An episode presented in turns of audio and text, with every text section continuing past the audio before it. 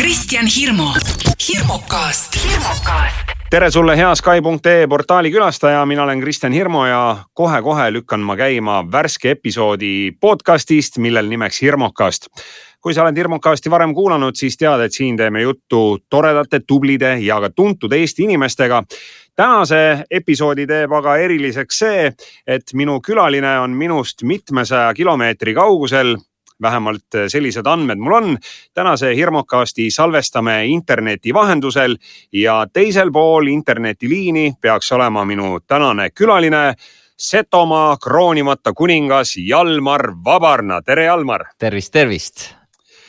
no räägi, kus sa oled, kas sa oled tõesti kuskil Setomaa metsade vahel, nii nagu sa mulle ütlesid?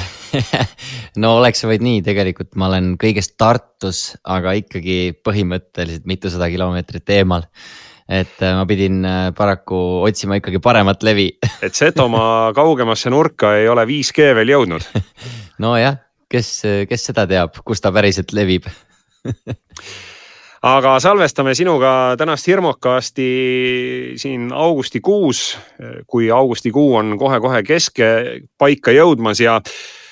ja ma usun, et ei ole eestimaalast, kes sind ei teaks ja ei tunneks. ma juba tegelikult ütlesin Setomaa kroonimata kuningas, sellepärast et ma arvan, et kui inimene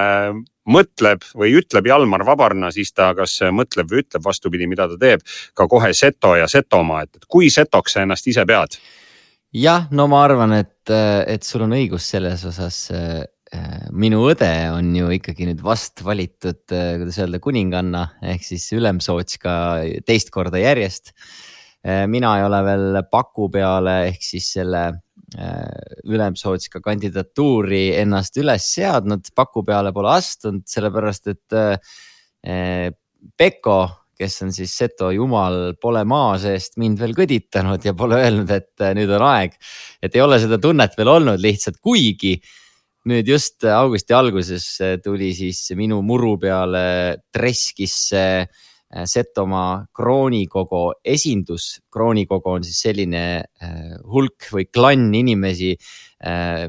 kelle moodustavad siis endised ülemsootskad, tulid muru peale ja ütlesid, et kõrd on nüüd sääne ehk siis kord on nüüd selline, et kroonikogu tegi sulle ettepaneku paku peale astu. ehk siis, et kroonikogu tegi mulle ettepaneku, et ma peaksin ikkagi kandideerima, aga loomulikult ka nemad lisasid ikka tingimusel, kui Peko tõukab ja kui ei tõuka, siis noh, pole midagi teha, siis saad kunagi tulevikus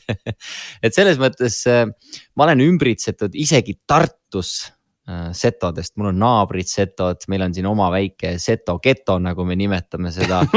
et siin Tartu südalinnas. Äh, ja mul on selles mõttes Setomaale nüüd järjest rohkem ka asja olnud, äh, olles nüüd noh, tegelikult seal juba neli aastakest kontserttegevust vedanud vaikselt Treski küünis siis nüüd värskelt valminud välilava paneb mind teinekord ka nädala sees mitu korda sinnapoole sõitma. aga ütleme, pereelu on meil ikkagi hetkel Tartus juba kuuendat aastat. ja ausalt öeldes nii Setomaale kui Mulgimaale, kus on siis Sandra vanemad, äh, vanemate kodu, siis mõlemale poole on tund aega sõitu ja ega me Tallinnasse väga ei satu. Ja noh, nagu sa aru said, siis äh, ega ma ei puksinud, ega ma nagu niisama ei tahtnud üle interneti teha, ma tõesti ei satu Tallinnasse väga tihti, et, äh, et, et viga ei olnud sinus, võiks öelda no aga õnneks on meil internet ja, ja saame tänast Irmokasti salvestada ka täpselt selliselt, et ausalt öeldes tunne oleks, nagu sa istuksid siin minu kõrval stuudios. aga sa oled ju Värska poiss, eks ju? Värska poiss, jah mina olen Räpinast, Räpina Värska vahe ei ole väga suur, aga ühe asja teeme kohe selgeks, et Värska on Setomaa, Räpina ei ole Setomaa, et sinna vahele jääb Võhandu jõgi, mis on siis see piir täpselt ja et kui üle, üle Võhandu jõe Võõpsust sõidad Värska poole, siis oled õppvalt Setomaal aga milline sul see lapsepõlv seal Värskas oli, et äh, mida sa tegid ja, ja, ja mäletad sa oma päris sellisest nooruspõlvest ka midagi või? hakkasid kohe seda seto asja ajama ja, ja bändi tegema või? Äh, no selles mõttes, eks ma olen äh, sündinud jah, sellisesse loomingulisse perekonda, et mul ema juhendas juba päris varakult selles mõttes teisi sellele Seto Leelo rajale. ta juhendas ühte Leelo koori, kus mina ka siis mingi nelja-aastaselt juba kaasa jõlkusin ja, ja isegi, et äh, nii-öelda esinesin selle Seto teemaga, aga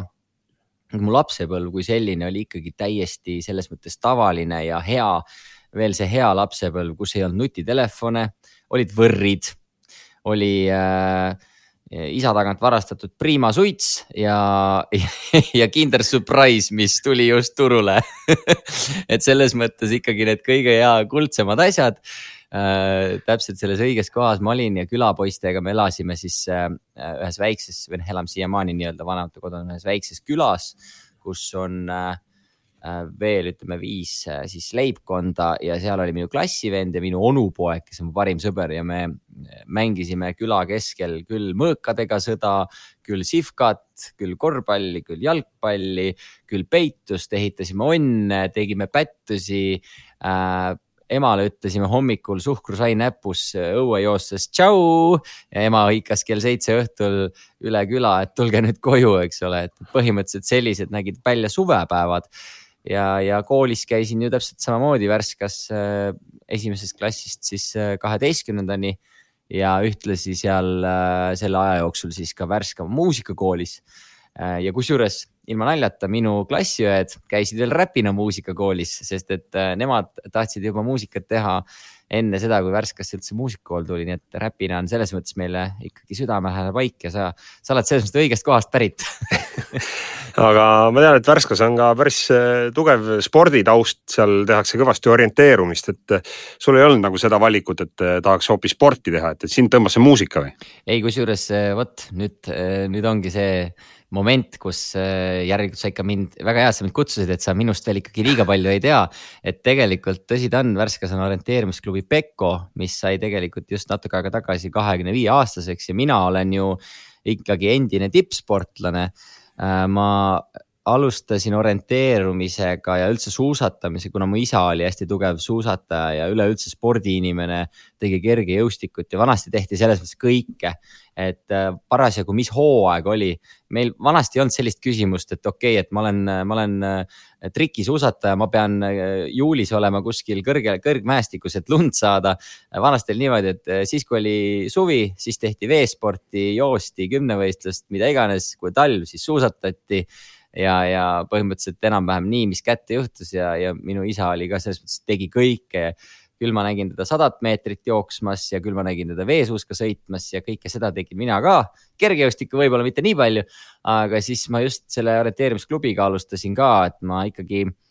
ma olin kõva suusataja ja siis mingi hetk, kui tundus treeneritele ilmselt, et aeg oli õige, siis pisteti kaart pihku ja, ja mulle just väga meeldis suusaorienteerumine ja sellega ma ka maailmameistrivõistlustele jõudsin, nii et ma olen kahtedel maailmameistrivõistlustel käinud juuniorite klassis äh, nii Šveitsis kui Venemaal ja ma olen sprindi suusarienteerumise viieteistkümnes maailmas juuniorites, nii et. tegelikult ma seda kõike teadsin, aga ma just mõtlesingi seda, et, et, et miks siis ikkagi ei võitnud sport, vaid võitis muusika. no see, see oli niimoodi, tegelikult, tegelikult see juhtus alles äh, ülikooli esimesel kursusel äh,. kui ma käisin Viljandis, siis äh, ma läksin, mind tõmbas lihtsalt see muusikamaailm sellepärast, et ma sattusin kuidagi äh, folgile äh, ja, ja me alustasime bändi tegemist Värskas, siis tegelikult enne seda, ütleme viis aastat ma käisin, õppisin klassikalist klaverit äh, ja üldse klassikalist muusikat, muusikakoolis ausalt öeldes noh, ega väga nagu mingit sellist jee nagu tunnet ei olnud. aga siis, kui tuli see teema, et teeme Seto poiste bändi, vot siis hakkas hakka muusika nagu kruvima alles, siis hakkas nagu see päriselu pihta, siis hakkas see, mida me oleme näinud nagu telekast ja ma ei tea mis iganes filmidest ja, ja jõudnud, jõudsime siis ise ka selleni välja, et oo, et muusika võibki lahe olla. ja kui ma siis käisin seal Viljandis paar korda, vaatasin, oo mingi folgi, mingi lõikuspidu oli seal ja noh, juhendaja siis, kes meie bändi hakkas aitama, siis tema vedas meid sinna vaatama. ja see hakkas mulle nii meeldima ja siis ma sain aru mingi hetk, et kurat, et vot muusika vist ongi see, mida ma võiks edasi õppima minna, sest ausalt öeldes ma tegin küll keemia riigieksami ja, ja, ja mata ja kõik jutud, eks ole, aga ega mul nagu mingit teist huvi ei olnud. ja siis, kui ma tegin esimesel kursusel kõvasti veel trenni, siis ma umbes poole aasta peal enam-vähem saingi aru, et okei okay,, et mul läheb trenni tegemisele päevas mingi neli tundi ehk siis ma sõidan Viljandist Holstresse, panen suusad jalga, tulen koju tagasi, käin pesemas, söön ja lähen uuesti harjutama. siis ma hakkasin vaatama, et okei okay,, aga teised kõik need neli tundi harjutavad, et mis must siis lõpuks ikkagi saab. ja siis ma mõtlesin, et hea küll, nii on, ma olen tulnud seda õppima, ma loobusin selles mõttes päevapealt spordist ja ma ütleks, et see on olnud üks minu elu suurimaid vigasid ka. sest et äh, olles füüsiliselt üliaktiivne kogu aeg, siis see päevapealt lõpetamine ei ole nagu üldse nagu hea mõte äh,. et ma, ma kuidagi nagu, ma loobusin täiesti trenni tegemisest, et noh kuidagi, ma ei tea, kas need olid mingid võõrutusnähud või mis iganes, ma lihtsalt tahtsin nagu kuidagi lihtsalt ainult pilli mängida. ja siis ma olin kogu aeg selles kidramängija positsioonis, vaata, veits kõveralt niimoodi ja siis lõpuks äh, mul hakkas lihtsalt keha järele andma. Ja siis ma sain aru, et okei okay,, ma käisin veel, ma ei tea, mitu aastat ikkagi nagu suhteliselt äh, vähe trenni tegin, ma käisin küll mingit äh, kooliga palli mängimas ja tegin nagu mingeid jookse, aga, aga mitte, mitte väga palju. Õnneks kehakaalusse tunda ei andnud kohe, aga, aga ütleme niimoodi, et siis ma sain aru, et mul ikkagi nagu füüsis kannatas kõvasti. Ja siis ma hakkasin uuesti trenni tegema no sa oled ikka megatalent täna Hirmukastis külas Jalmar Vabarna, nagu kuulsite, keemia, matemaatika, füüsika, sport, orienteerumine, suusatamine ja loomulikult siis muusika, et kas sa oled oma bändid ka kõik kokku lugenud, et mitmes bändis sa mänginud oled või palju sa neid bände teinud oled või palju sa neid läbi oled käinud? No eks neid on omajagu olnud äh, ja kusjuures enamus on ikkagi ka need, mille ma olen ise nagu algatanud äh, ja, ja need, neid on olnud, ma ei tea, võib-olla mingi kümmekond ongi olnud enam-vähem vist. Äh, ja, ja mingil hetkel lihtsalt per, mingil perioodil elus mul oli need nagu mingid bändid olid nagu korraga aktiivsed ka ja siis ma mäletan, kus kogu aeg tehti nalja, et oo, Jalmar mängib igas Eesti bändis. tegelikult inimesed teadsid ainult ühte või kahte bändi aga kuidas sa mängisid siis kõikides nendes bändides korraga? no ega ma õnneks korraga samal laval ei olnud, et äh, panid keha ka peale kuskil või? ei, ma panin, ei, ei ole pannud nagu selles mõttes keha peale, et äh, esimest korda, kui ma üldse pidin nii-öelda keha peale panema, oli siis, kui äh, olid sündinud nii Trad Attack kui Curly Strings ja, ja Trad Attack oli välismaal, aga Curly Stringsile pakuti Eestis mingeid äh, tuurikesi ja asju ja siis äh, Jaan Jaago astus minu, minu nii-öelda asemel lavale ja Jaan Jaago on täna seal bändis ka, et lõpuks, kui see otsus tuli, et me ei saa lihtsalt, sest mõlemad bänd tahtsid väliskarjääri teha ja vot välismaale nagu ei saa. Eestis, Eestis sa saad ikka natuke nipitada, et noh, et noh, Eestis on nii vähe festivale selles mõttes, kus, äh, kus võetakse nagu kõik need pundid lavale. no loomulikult folk, äh, üks aasta oli folk, kus ma olin vist, mäleta, kas mingi nelja bändiga äkki või nelja koosseisuga, siis äh, tollel ajal võib-olla need mõni, mõni oli nii värske ja ma andsin vist nelja päeva jooksul üksteist kontserti folgil. Äh, et see oli nagu see minu, minu lagi ja pärast seda ma ei ole ausalt öeldes enam noh, nii palju tahtnudki teha. et äh, nüüd ma olen juba, võiks öelda nagu vana peer, teen kaks tükki ära ja siis on äh, hästi aga too aasta oli päris hull jah. Folgi, Folgi teema on sul siis ikkagi pigem nagu sealt ema poolt kaasa tulnud või, või, või tekkis see seal Viljandis? no ütleme niimoodi, et Setomaa on ka kultuurselt ju ikkagi võiks öelda pärimus äh, siis piirkond ehk siis pärimuslikul teel on ju kõik need laulud ja asjad levinud ja traditsioonid nagu jätkuvalt ju kehtivad ka praegu. Ikka ema õpetab äh, äh, lapsi ja, või siis laps kuuleb vähemasti, mida ema laulab näiteks on ju. minu enda poegki kuuleb vanaema laulmas, siis loomulikult see jääb külge ja see ongi kõige ehedam ja kõige noh, me ju ise õpetame oma lapsi et äh, äh, noh, vähemasti üritame mitte alati nii-öelda sellel teel, et näed, kuula, siin on sulle Led Zeppelin, kuula seda, eks ole. meil on pigem see, et laulad talle ise mingeid laule, et siis ta nagu läbi selle õpib, aga loomulikult kuulamise teel ka. Äh, ja siis eks see kogu see seto kultuur ongi ju natuke noh, võiks öelda nagu folk, mina olen ta lihtsalt selles mõttes pea peale pööranud, et kui ansambel Setot kaks tuhat kolm sündis, siis, siis sellist asja nagu rock n roll, punk rock, äh, folk, sellist asja nagu see oli ikkagi nii lapsekingades veel, kuigi kümme aastat tollest hetkest oli Viljandi folk juba käinud ja Eestis oli mingi Iiri vaimustus ja kõik muud asjad juba läbi käinud. aga sihuke korralik äh, roki teema, et noh, see oli Setomaale ka uus ja, ja meile endale uus ja kõik oligi põnev. et äh, miks me üldse selle tee valisime, see oli väga lihtne, et äh, kuna seal kultuurimajas said kokku ikkagi sellised äh, noh, eri huvidega poisid, mina olin spordipoiss, sõber oli mul, parandas mossesid, teine sõber sõitis tsikliga, kolmas oli, äh, kamandas kodus lehmi. et äh, kõik need tüübid, kes sinna kokku said, kui me kuulasime mingit valitud muusikat, mida siis juhendaja Kristjan Priks sinna kaasa tõi, siis oli selline ansambel nagu Vägilased, kes tegi natukene sellist popilikumat rida aga noh, folgi lauludega, siis me kuulasime, et okei okay,, midagi sellist, aga veel hullemini. Veel, veel rohkem rocki. rocki. Ja siis äh, mõeldud-tehtud, see sündis kohe esimene proov oli kohe esimene lugu ja kõigil olid, saad aru, no see on ikka, see oli korralik sahmakas, sihukest värsket nagu teemat et kõik kutid olid täitsa löödud, et mis asja, sihuke asi on võimalik. tegelikult me mängisime nelja akordi seal onju, aga attitude oli kohe paigas, kõik panid nagu täpselt samamoodi ja kõik need partiid, mis esimeses proovis sündisid, kõik need olid nagu noh, musternäidis, et kui keegi tahab kuulata, siis kuulake äh, setodel on Spotify's igal pool on Lätsi Välla kaem on esimene album, mis sündis kaks tuhat viis. Seal on selline lugu nagu Pirgo, siis äh, see oli üks esimestest lugudest, et seda võite kuulata see on päris hea naljakas. No aga sa oled seda seto värki ikkagi hästi promonud äh, selles suhtes, ma ei teagi, küsin, äkki sa oskad mulle vastata, et äh, kas õige on öelda setu või seto, mulle see setu tundub natukene selline kuidagi nagu ei ole päris õige. kusjuures sellele ma kuulsin üks hetk mingit sellist lähenemist, et eestlane ütleb setu, aga seto ise ütleb seto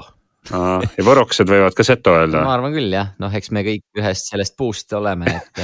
ja, ja aga, aga sa oled seda seto värki ikkagi hästi turundanud ja noh, tegelikult ega setosid on siin Eestis ju tähtsate kohtade peal ka, noh, võtame siin Tallinki mehed ja,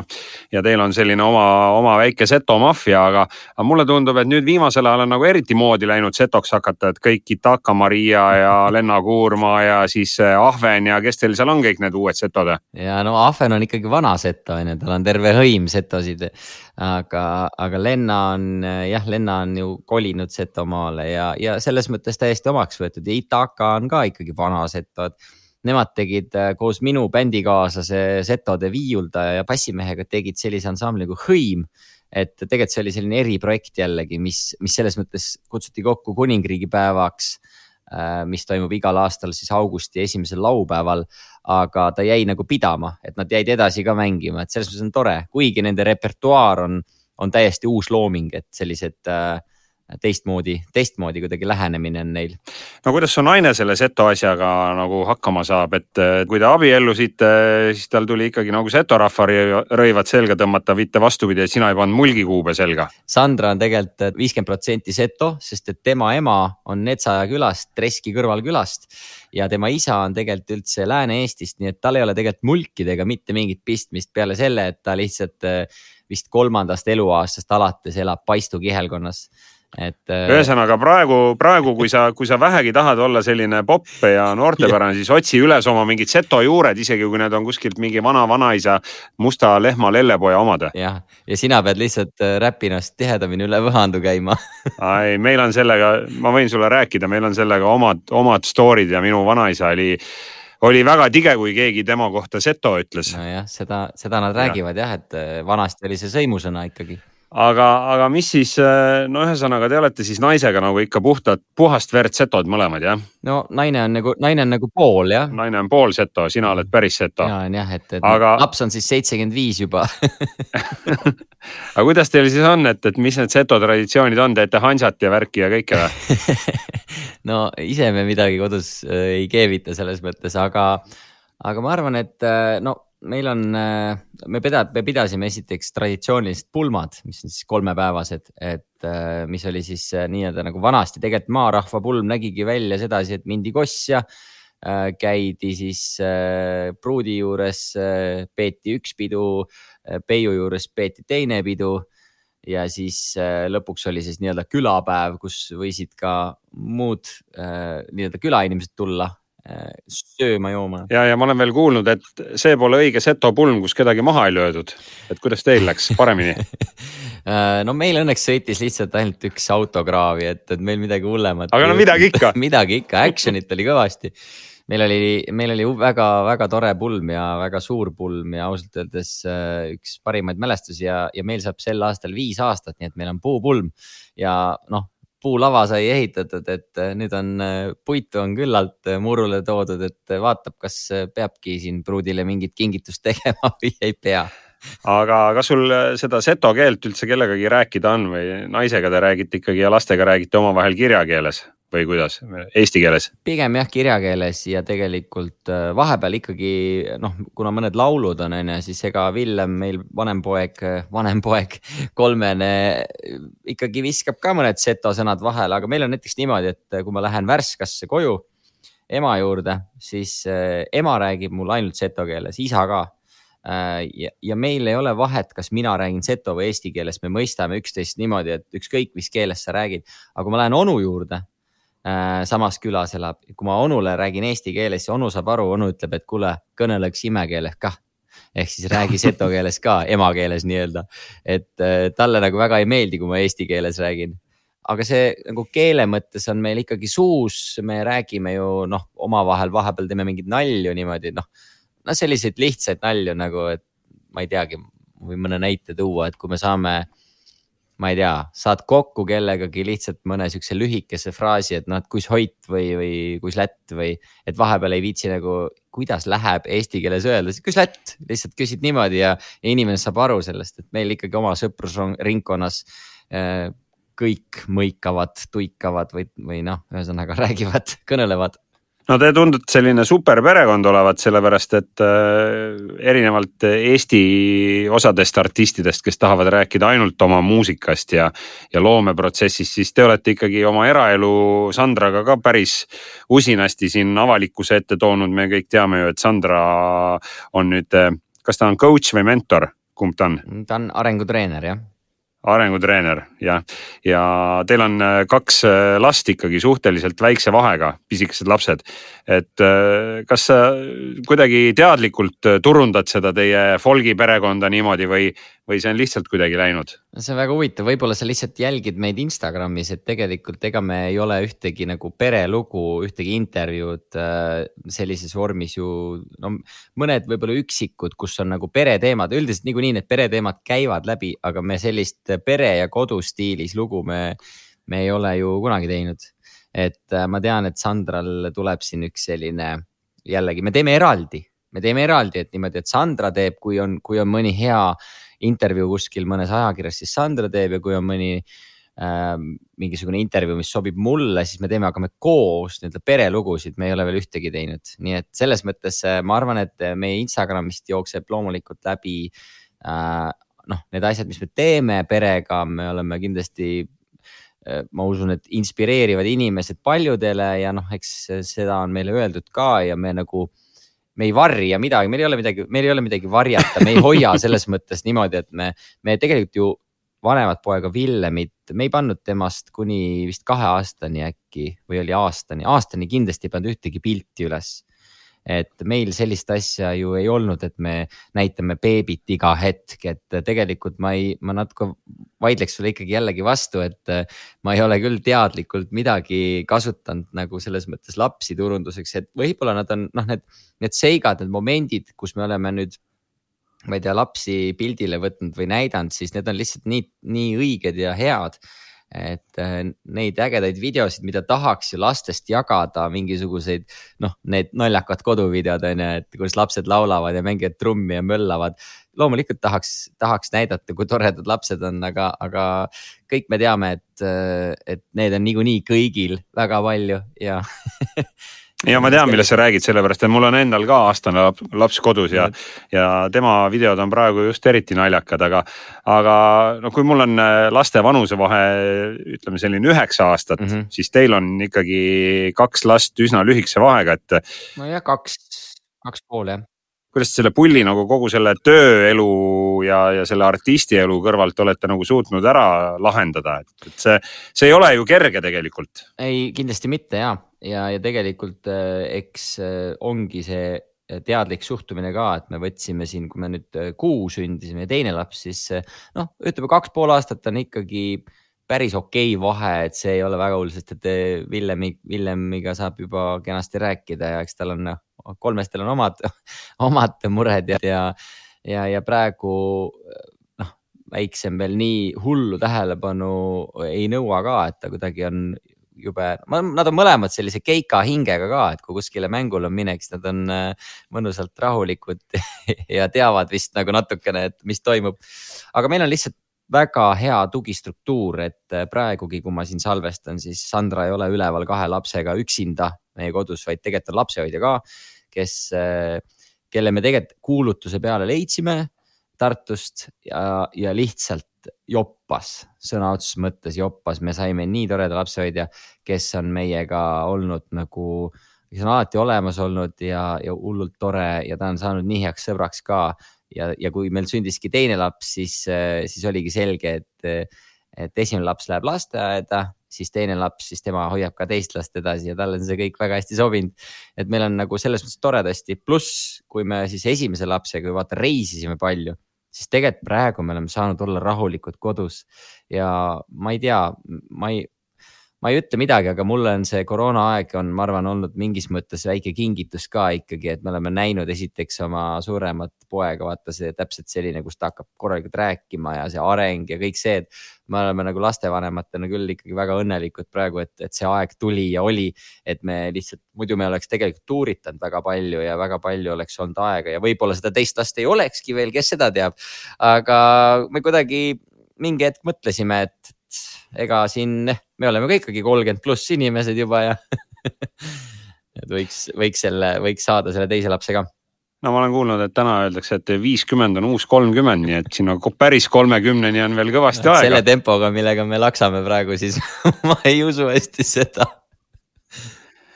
Te olete käinud Trad Attackiga päris palju välismaal esinemas, eks ju? noh, ütleme nii, et, et te olete üks äh, kõvemaid Eesti bände selles suhtes, kes on endale neid linnukesi ja, ja neid pinne sinna maailmakaardi peale saanud. et kui keeruline või raske on üldse ühel Eesti bändil välismaale pääseda või, või tegelikult on sul vaja lihtsalt tunda õigeid inimesi?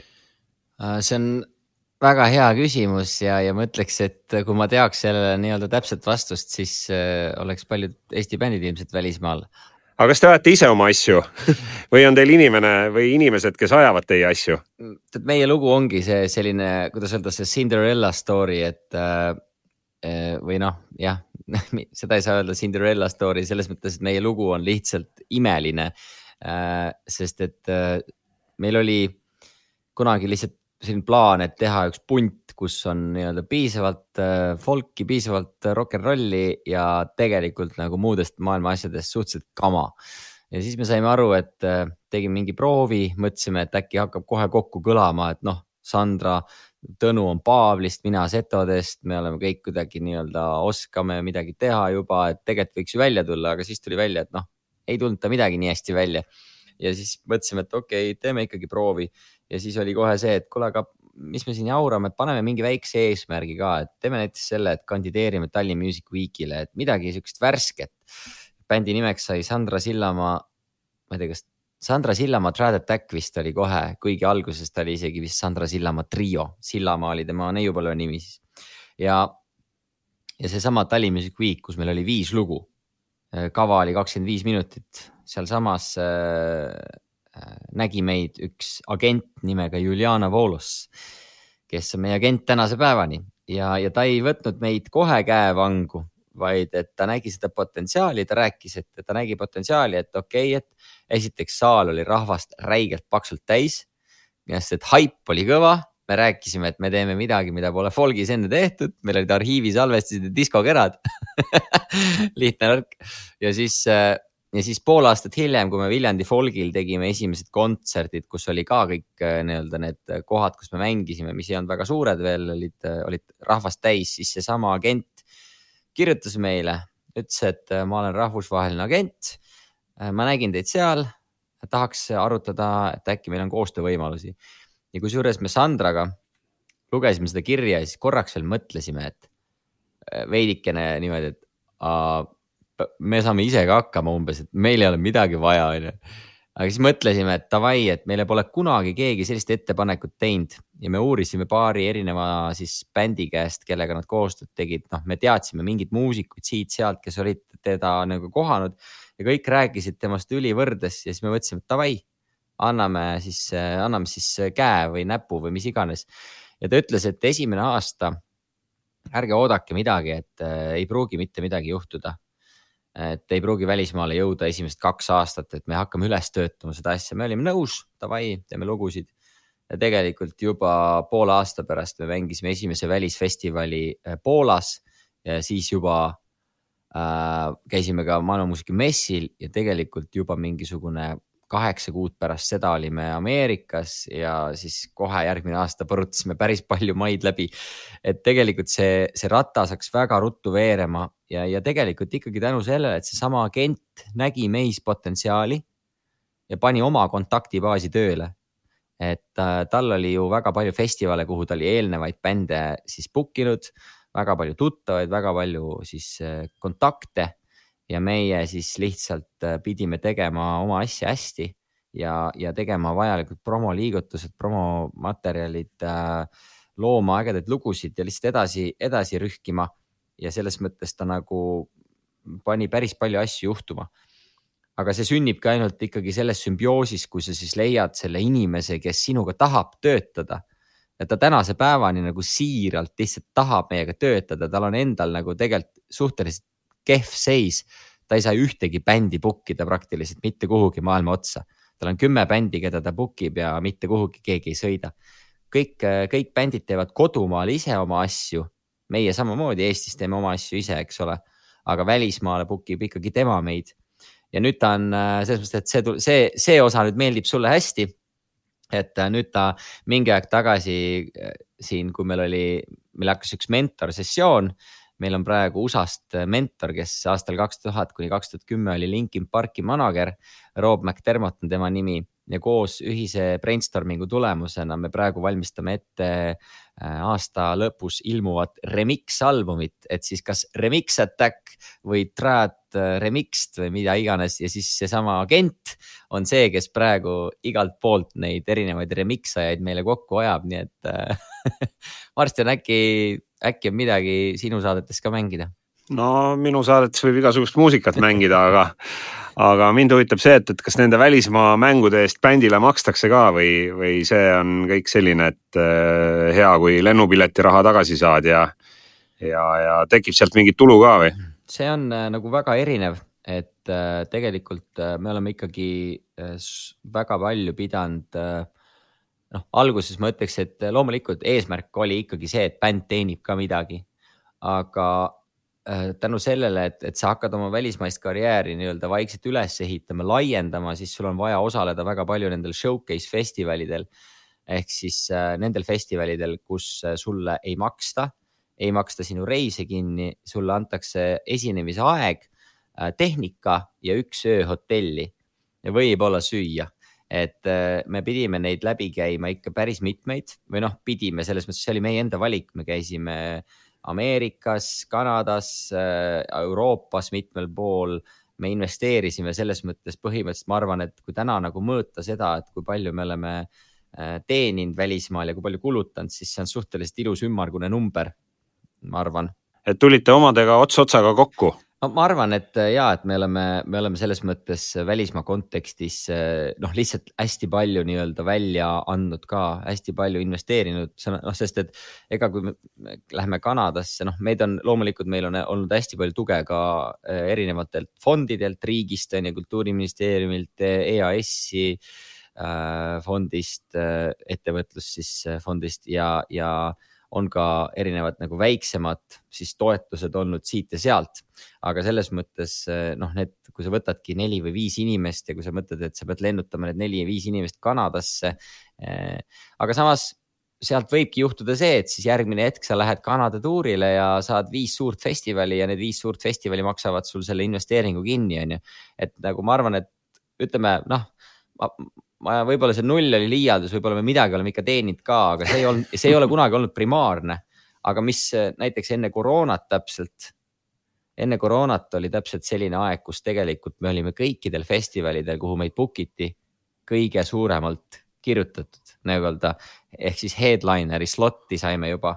ja see on selles mõttes väga oluline märk, sest et kui sa saad ka nendel maailmamuusikafestivalidel headliner slot'i ehk siis sa saad nagu plakatile kõige suurema nimega, siis äh, hakatakse lihtsalt sinu poole vaatama, sest et noh, ma ei tea, sa oled ise võib-olla näinud plakatit, me ikka vaatame neid kõige suuremaid nimesid, onju ja meil oli tegelikult enne koroonat äh, suveks üks kümme headliner slot'i üle maailma book itud ja siis tuli Covid peale ja me pidime selles mõttes nagu kõige nagu täpselt selles murdepunktis. ma natukene praegu, ma ei ole veel isegi, me ei ole seda haava nagu väga soola raputanud sellele haavale, aga selles murdepunktis tegelikult me, me saime ikka päris korralikult nagu pihta.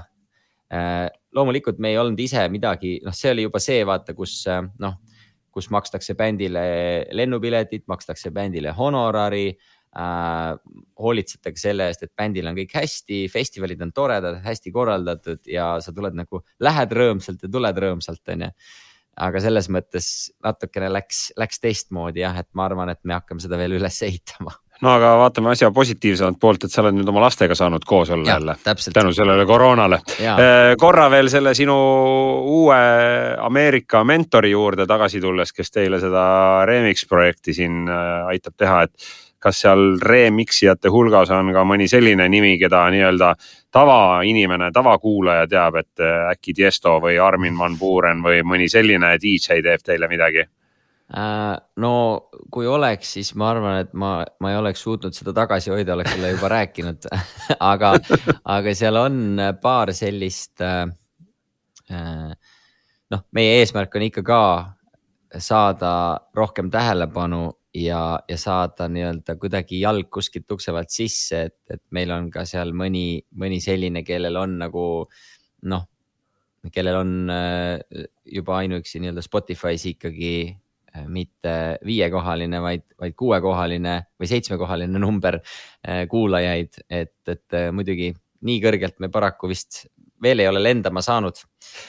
aga Trad Attacki muusika, mis on ju tegelikult ikkagi selline nagu nišitoode, et eh, ma mõtlengi seda, noh, maailmas elab meil kohe-kohe kaheksa miljardit inimest. et iseenesest, kui mingi null koma üks protsenti inimestest eh, või kogu maailma inimkonnast teie muusikat tarbiks, siis eh, see teeks ka tegelikult ju päris sihukese korraliku publiku kokku no absoluutselt.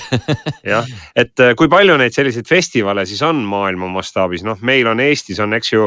on ka neid mingeid folgi ja pärimusmuusika festivale, aga kas need on äh, need siis, kus te nii-öelda käisite Trad Attackiga, et, et kas need olid siis nagu sellised välismaa Viljandi folgid, noh, nimetame seda siis nii? ja oli suuremaid ja oli väiksemaid ka, et äh, ikkagi ütleme niimoodi, et karu, karu B-s oleme ka ikkagi käinud vähemasti algusaastatel kus.... mingis äh, suitsuses pubis kuskil kümnele inimesele mänginud oh või midagi oh taolist? me oleme mänginud äh, ikka igasuguses äh,, igasugustes kohtades, kusjuures rekord vist oligi Moskva mingisuguses keldri pubis, kus äh, lava peal oli kolm, teeninduses viis ja publikus seitse inimest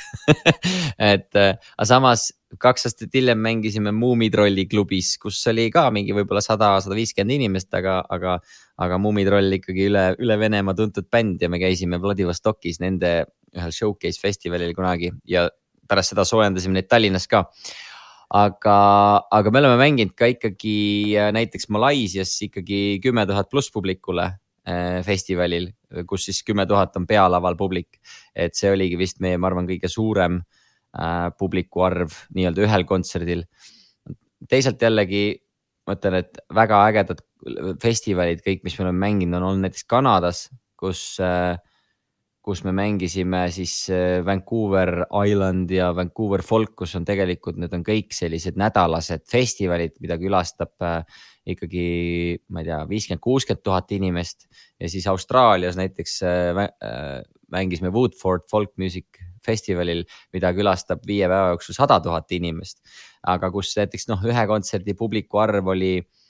äh,, oli selline, ma arvan, viis tuhat umbes, äh, kolm kuni viis tuhat, aga seal on niimoodi, et äh, just sellistel festivalidel Kanadas ja igal pool mujal nagu maailmas on hästi tavapärane see, et kui sa bändina lähed sinna, siis sa ei mängi ühte setti, sa mängid viis päeva jutti.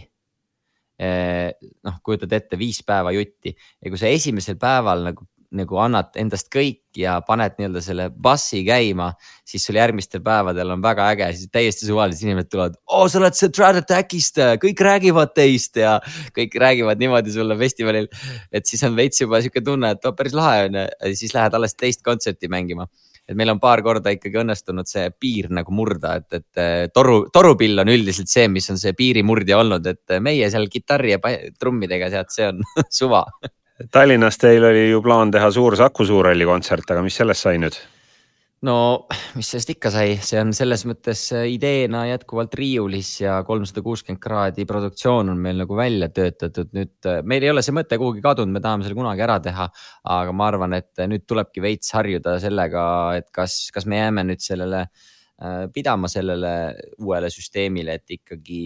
kõik asjad on siis kuidas öelda, kontrollitud, aga noh, praegu on ikkagi sisesaalis ikkagi kuus tuhat on ees, eks ole. Te tahtsite teha Saku Suurhallis suuremat? ikka, ikka. mitmele oli... tuhandele siis? no ei noh, selles mõttes kolmsada kuuskümmend kraadi, see eesmärk oleks olnud kuskil kaheksa kuni kümme tuhat, et me oleks selle saanud teha.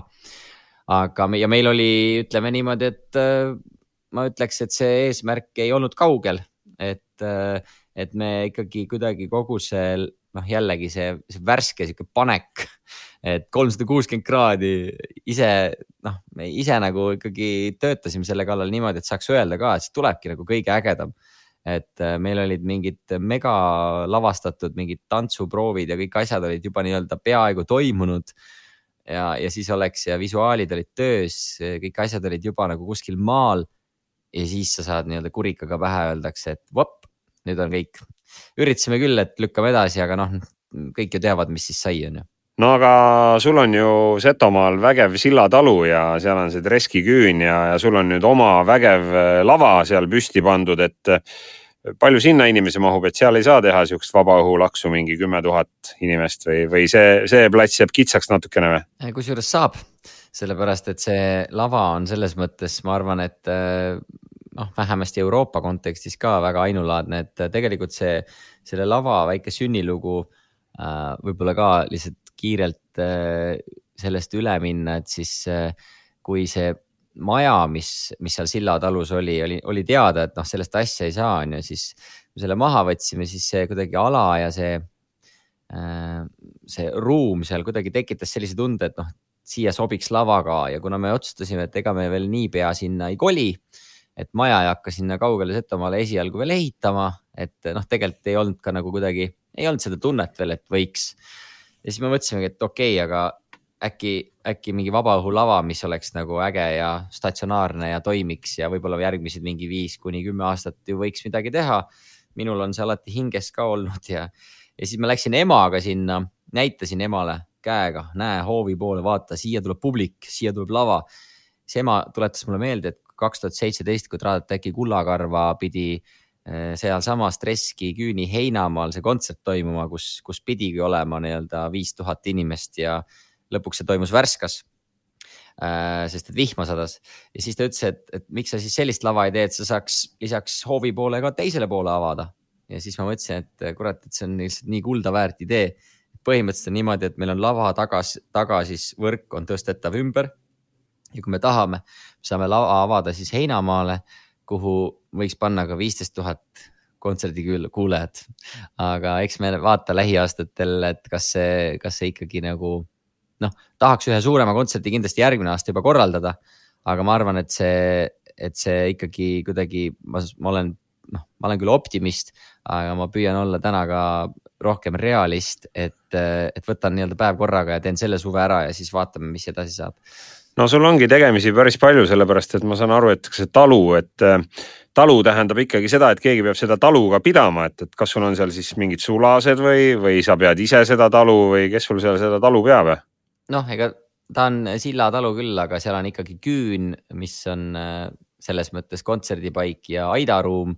ja, ja saun ja ega seal loomi ega selliseid asju praegu ei Mingit ole. mingit põllumajandust ei ole sul seal? ei, põllumajandust ei ole jah, et äh, tegelikult ongi, ta on ikkagi praegu kontsertpaik ja, ja toimib äh, ka ise väga hästi, aga mul on, äh, mul on hea sõber Germo, kellega me oleme tegelikult viis aastat minu, minu äh,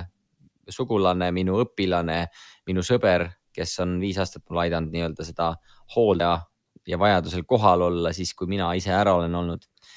Et äh, isegi kui ma välisreisidel olin, siis Germo korraldas mõned sündmused ja et see on, tema on, mina olen Treski äh, Küüni peremees, tema on Treski Küüni vaim. direktor tegevdirektor jah no sellel suvel ma vaatasin, et seal Treski Küünis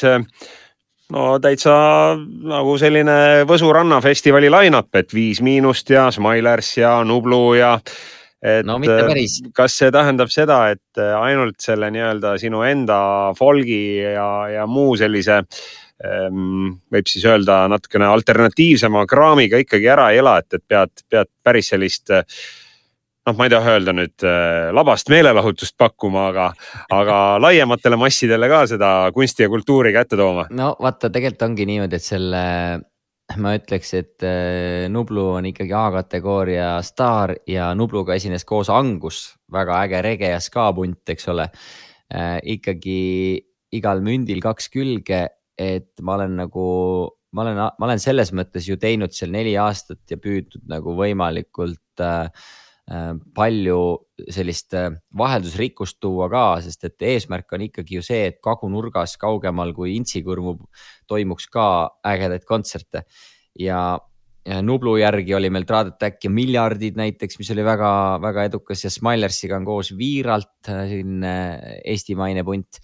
Ja, ja tegelikult Viie Miinusega kontsert ei ole ka niisama, sest et tegelikult me ise ansambliga Setod teeme nendega ühe eriprojekti ja, ja, ja selles mõttes ja seal on veel draakonid ja Vaiko Eplik on ka, et, et ta on, ta on küllaltki jah, populaarse suuna peal esialgu, aga, aga ma arvan, et ikkagi suhteliselt nagu ikkagi hea maitse, hea maitse piiril, et ma ei, ma nagu päris nii vett peale ei tõmbaks neile artistidele, et tegelikult on, kui artistid on tuntud, siis nad on tuntuks saanud ikkagi millegipärast, aga mul on ka ikkagi mingid omad piirid, millest ma päris üle ei lähe, et, et selles mõttes, et ma, minu üleüldse pikem idee on tegelikult äh, sinna Treskisse üks festival luua, võib-olla kaks.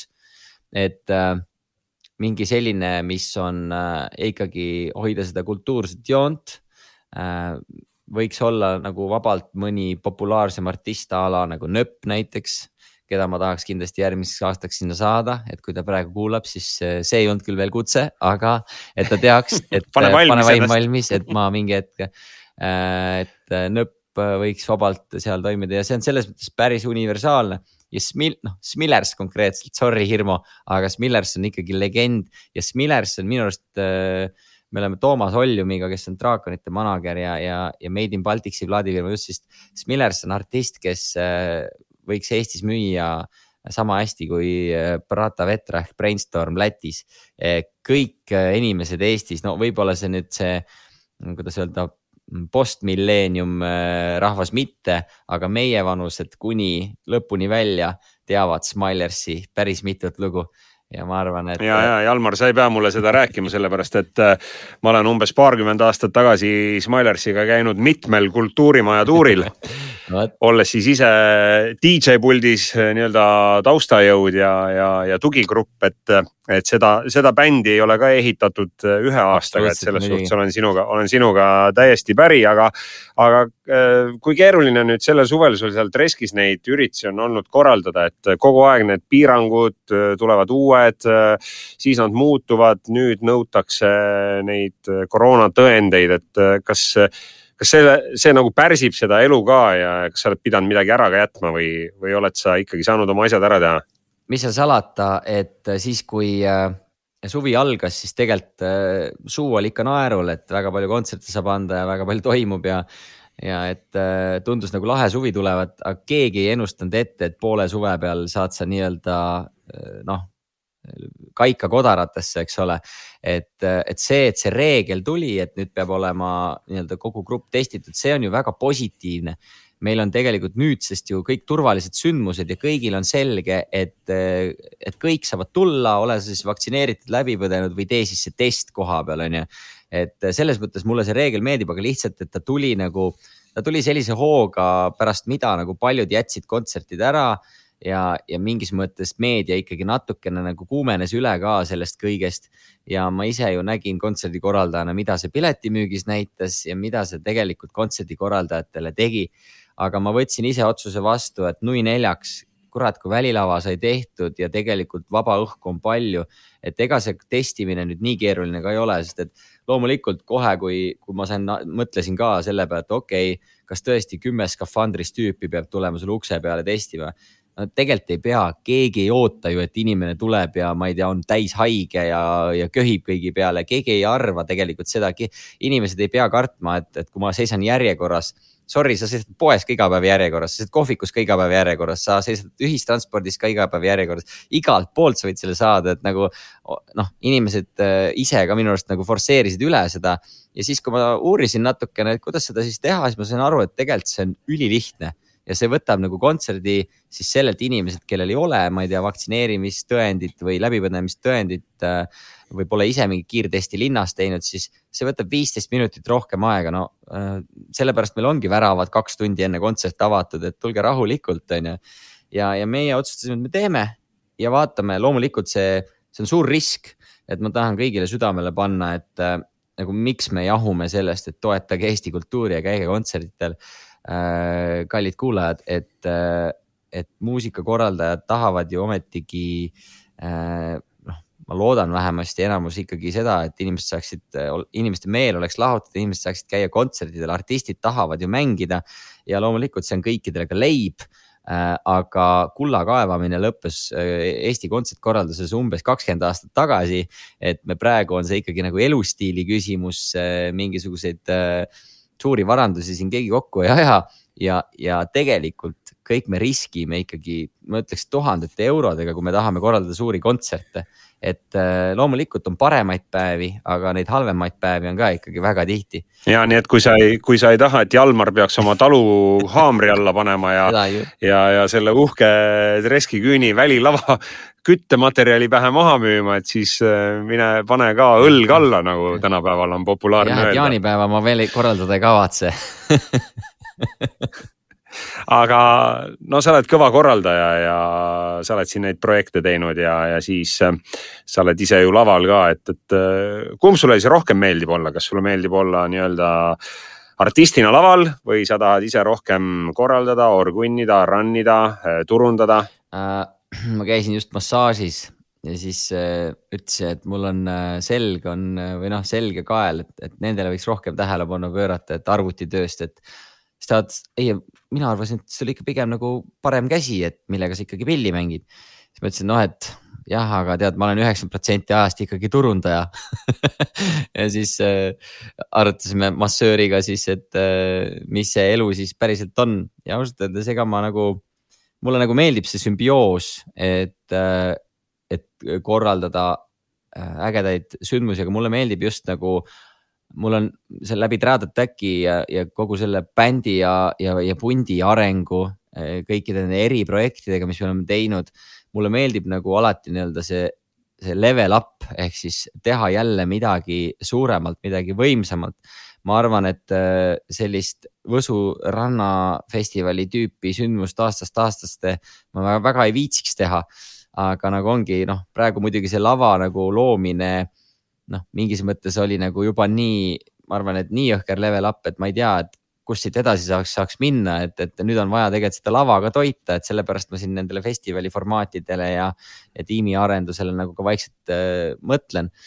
aga jah, mulle nagu meeldib see ja mulle meeldib see sümbioos, kus sa siis saad minna ka lavale sellel sündmusel, mille sa ise oled nii-öelda käe külge pannud või ise korraldanud või ise turundanud, saad valida nagu seda äh, keelt, ähm, kuidas sa seda reklaamid, sa saad häälestada publikut tegelikult juba ette, on ju, et, äh, et noh, siin on muidugi loomulikult nendes, selles vallas on ka nagu neid tagasilööke, mingi enne festivali avastad, et oi, et veel oleks sada piletit vaja müüa ja siis pead hullult rabelema, tegema ühte teist asja ja reklaamima veel ja neid sellist häda kustutamist, seda mulle väga ei meeldi teha, aga seda tuleb ikka ette. Panema lapsed, panema lapsed Instagrami ja, ja lastel äh, varbaga, varba vastu kivi ära lööma, et silm oleks märg ja et tulge, tulge festivalile, et, et muidu jääb isal jääb raha saamata. sinna ma ei lange korra tahtsin veel lihtsalt kiita, et see uus välilava seal Treskis Silla talus, see näeb vägev välja ja ma ei tea, kui mina seda esimest korda nägin, siis mulle see meenutas kohe millegipärast legendaarset Berliini tehnoklubi nimega Berghain. ma ei tea, kas sa oled ise seda, seda sellist sarnasust näinud või tähele pannud? Kohe tahaks. aga vaata, guugelda, guugelda Berghain ja siis vaata seda, seda tehnoklubi ja, ja vaata oma lava ja ah,, ja minu meelest nagu on seal mingeid selliseid, mingeid selliseid sarnaseid jooni, aga, aga mis see lavaga maksis? Äh, kui ma isegi teaks, siis ma ütleks sulle võib-olla et äh, et sa ei ole eelarvet äh, kokku löönud või? Ar kõiki arveid ei ole veel kätte saanud? ma olen kõik arved kätte saanud, ei, kõik ei ole jah, tegelikult päris kõik ei ole, aga, aga siin enam, enamus on kätte saadud ja äragi makstud ja, ja, ja mis seal salata, mitte ainult oma isikliku rahaga, vaid ikkagi äh, päris palju äh, toetusi taotlesin siin ka alates hooandjast kuni tegelikult eratoetajateni välja ja võtsin ikkagi ka üsna priske laenu selleks, et saaks selle lava ära tehtud, sest et äh, mul oli ta planeeritud ikkagi üsna inimlik, eh, inimliku eelarvega. aga sellest inimlikust eelarvest see kasvas viis korda. Ja siis ma sain aru, et kui ma nüüd hakkan rahale mõtlema, siis see ehitus jääb lihtsalt seisma. Ja siis ma mõtlesin, et äh, okei okay, äh,, maailmas järg, see asi pidi juht-, järelikult ma pean seda tegema, midagi siin on, vaatame, kuidas sellega läheb äh,, mõtleme natuke hiljem et, et ma nagu väga noh, ma ütlen, et äh, ma tõesti tahtsin, et see asi jõuaks äh, finaalini, saaks valmis, oleks äge ja, ja eks ma lapin neid, äh, neid väikseid haavakesi siin veel mitu aastat ja, ja loodamegi, et nagu kogu see asi hakkab tegelikult iseennast natuke toitma ja et sinna suht juhtub ka pärast avalikke sündmusi ka selliseid erapidusid ja meil on küün ka suurem, nii et me saame ka pulmi host ida. Et, et ma loodan, et see koht hakkab nagu tööle ja sellega me ju noh, näeme vaeva ja, ja, ja teeme kõik sellest, et see hakkaks tööle ja, ja siis tulevad need äh, kariloomad ja, ja põllumajandus ja, ja raps ja kõik muud asjad nagu, nagu ühes talus no, olema peavad. esialgu meil on äh, ikkagi idee on see, et kuna seal piirkonnas on üldiselt ka noh, äh, noh tead, kui on suur sündmus, et siis on iga piirkond väike. et kui Viljandis on folk, siis on ikka ööbimiskohti vähe. kui Värskas on või Treskis on minul mingi sündmus, siis on terve Värska on ööbimiskohtadest puhas. meie esimene selline samm, mida me hakkame nüüd tegema, et järgmine aasta meil oleks vähemasti mingi endal mingi kas siis eh, noh, umbes mingi viiskümmend sellist eh, normaalselt tingimustes eh, nagu ööbimiskohta. siis me saame juba sammukese edasi ja siis me saame hakata vaatama, et kas me võtame sinna kõrvale mõned lambad, et saaks ka välisturistidele midagi näidata no see on vägev, et äh, Eesti kagunurgas elu edeneb ja Jalmar Vabarna siis on äh, vähemalt isiklikult võtnud oma südameasjaks seal Setomaal seda elu edendada suur,. suur-suur tänu sulle, Jalmar. sinuga oli väga mõnus vestelda ja me võiksime siin seda vestlust jätkata veel tundide kaupa, sellepärast et äh, meid seob enam-vähem ühine, ühine sünnipaik, mis on küll siis karmilt ja, ja, ja ütleme niimoodi, et õiglaselt eraldatud Võhandu jõega Setomaa vanast Võrumaast, aga, aga sulle ja su perele siis eh, kindlasti mõnusat suve lõppu ja aitäh, et viitsisid täna Hirmokasti salvestuseks, eh, noh, tahaks öelda, et kaugelt-kaugelt Tartust siia mikrofoni taha tulla, aga aga saime, saime sinuga vestelda ja, ja mine tea, äkki räägime kunagi pikemalt veel. no tahaks loota, väga tore oli, oli sinuga ka ja, ja kõikidele kuulajatele loomulikult äh, ka palju tervisi ja, ja mõnusat suve jätku. suvi ei ole veel läbi, nii et äh, elame-näeme. hirmukast, hirmukast., Kristjan Hirmu ja külalised, kel alati midagi öelda. kuula hirmukasti portaalis Skype.ee